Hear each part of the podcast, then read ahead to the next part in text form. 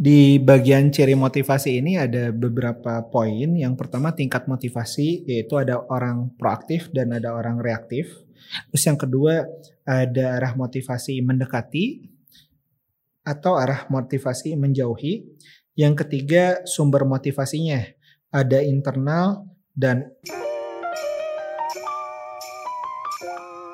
Oke teman-teman kembali lagi bersama saya Salman di Tanya Yumin episode sekian plus 2. Uh, eh, ada pertanyaan dari audiens kita yaitu apakah orang opsional lebih berpotensi menjadi pengusaha ketimbang prosedural? Izinkan saya mendiskusikan uh, materi ini merujuk kepada ilmu yang saya dapat dari guru saya Mas Jaya Budi dan Pak Wiwoho yang saya banyak belajar NLP dari beliau berdua. Materi mengenai orang opsional dan prosedural ini ada di bagian profil pribadi atau program filter. Nah, di program filter ini ada beberapa ciri motivasi teman-teman. Di bagian ciri motivasi ini ada beberapa poin. Yang pertama tingkat motivasi yaitu ada orang proaktif dan ada orang reaktif. Terus yang kedua ada arah motivasi mendekati atau arah motivasi menjauhi. Yang ketiga sumber motivasinya ada internal dan ada eksternal.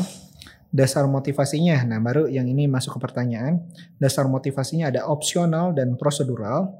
Terus yang kelima, faktor motivasinya ada persamaan, persamaan dengan pengecualian dan perbedaan. Nah, dari guru saya Pak Wiyohotut ada sebenarnya prof, profil yang pas untuk seorang entrepreneur, yaitu mereka yang proaktif, untuk tingkat motivasinya arah motivasinya mendekati yaitu mereka pengen men mendapatkan target sesuatu dibanding mereka menjauhi rasa sakit gitu. Jadi mereka pengen mendapatkan sesuatu yang mereka impikan dibanding menghindari yang mereka takutkan. Nah, dari sisi sumber motivasi pun mereka cenderung internal. Artinya mereka orang-orang yang menjadikan mereka yang menjadikan instruksi sebagai informasi.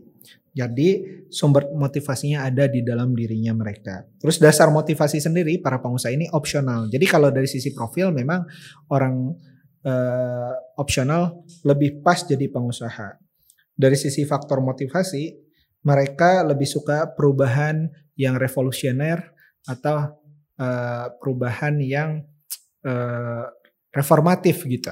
Nah ini contoh profil yang pas untuk menjadi seorang pengusaha. Adapun kalau ternyata kita orang yang prosedural tidak perlu jadi masalah dalam menjalani bisnis ternyata kita tuh harus juga saling melengkapi. Mungkin ada karakter yang orang yang ngegas, nah kita perlu orang yang rem.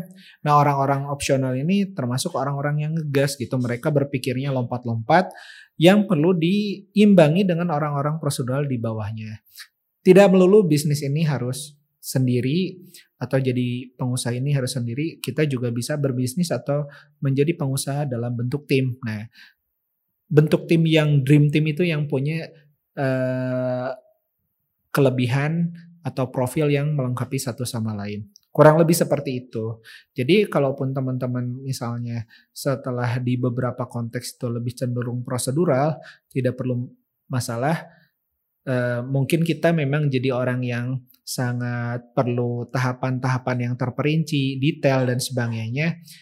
Di mana itu bagus untuk menghindari resiko, tapi di sisi lain juga kita perlu diimbangi dengan orang opsional yang bisa berpikir lebih cepat, lebih taktis gitu. Kurang lebih seperti itu. Semoga bermanfaat.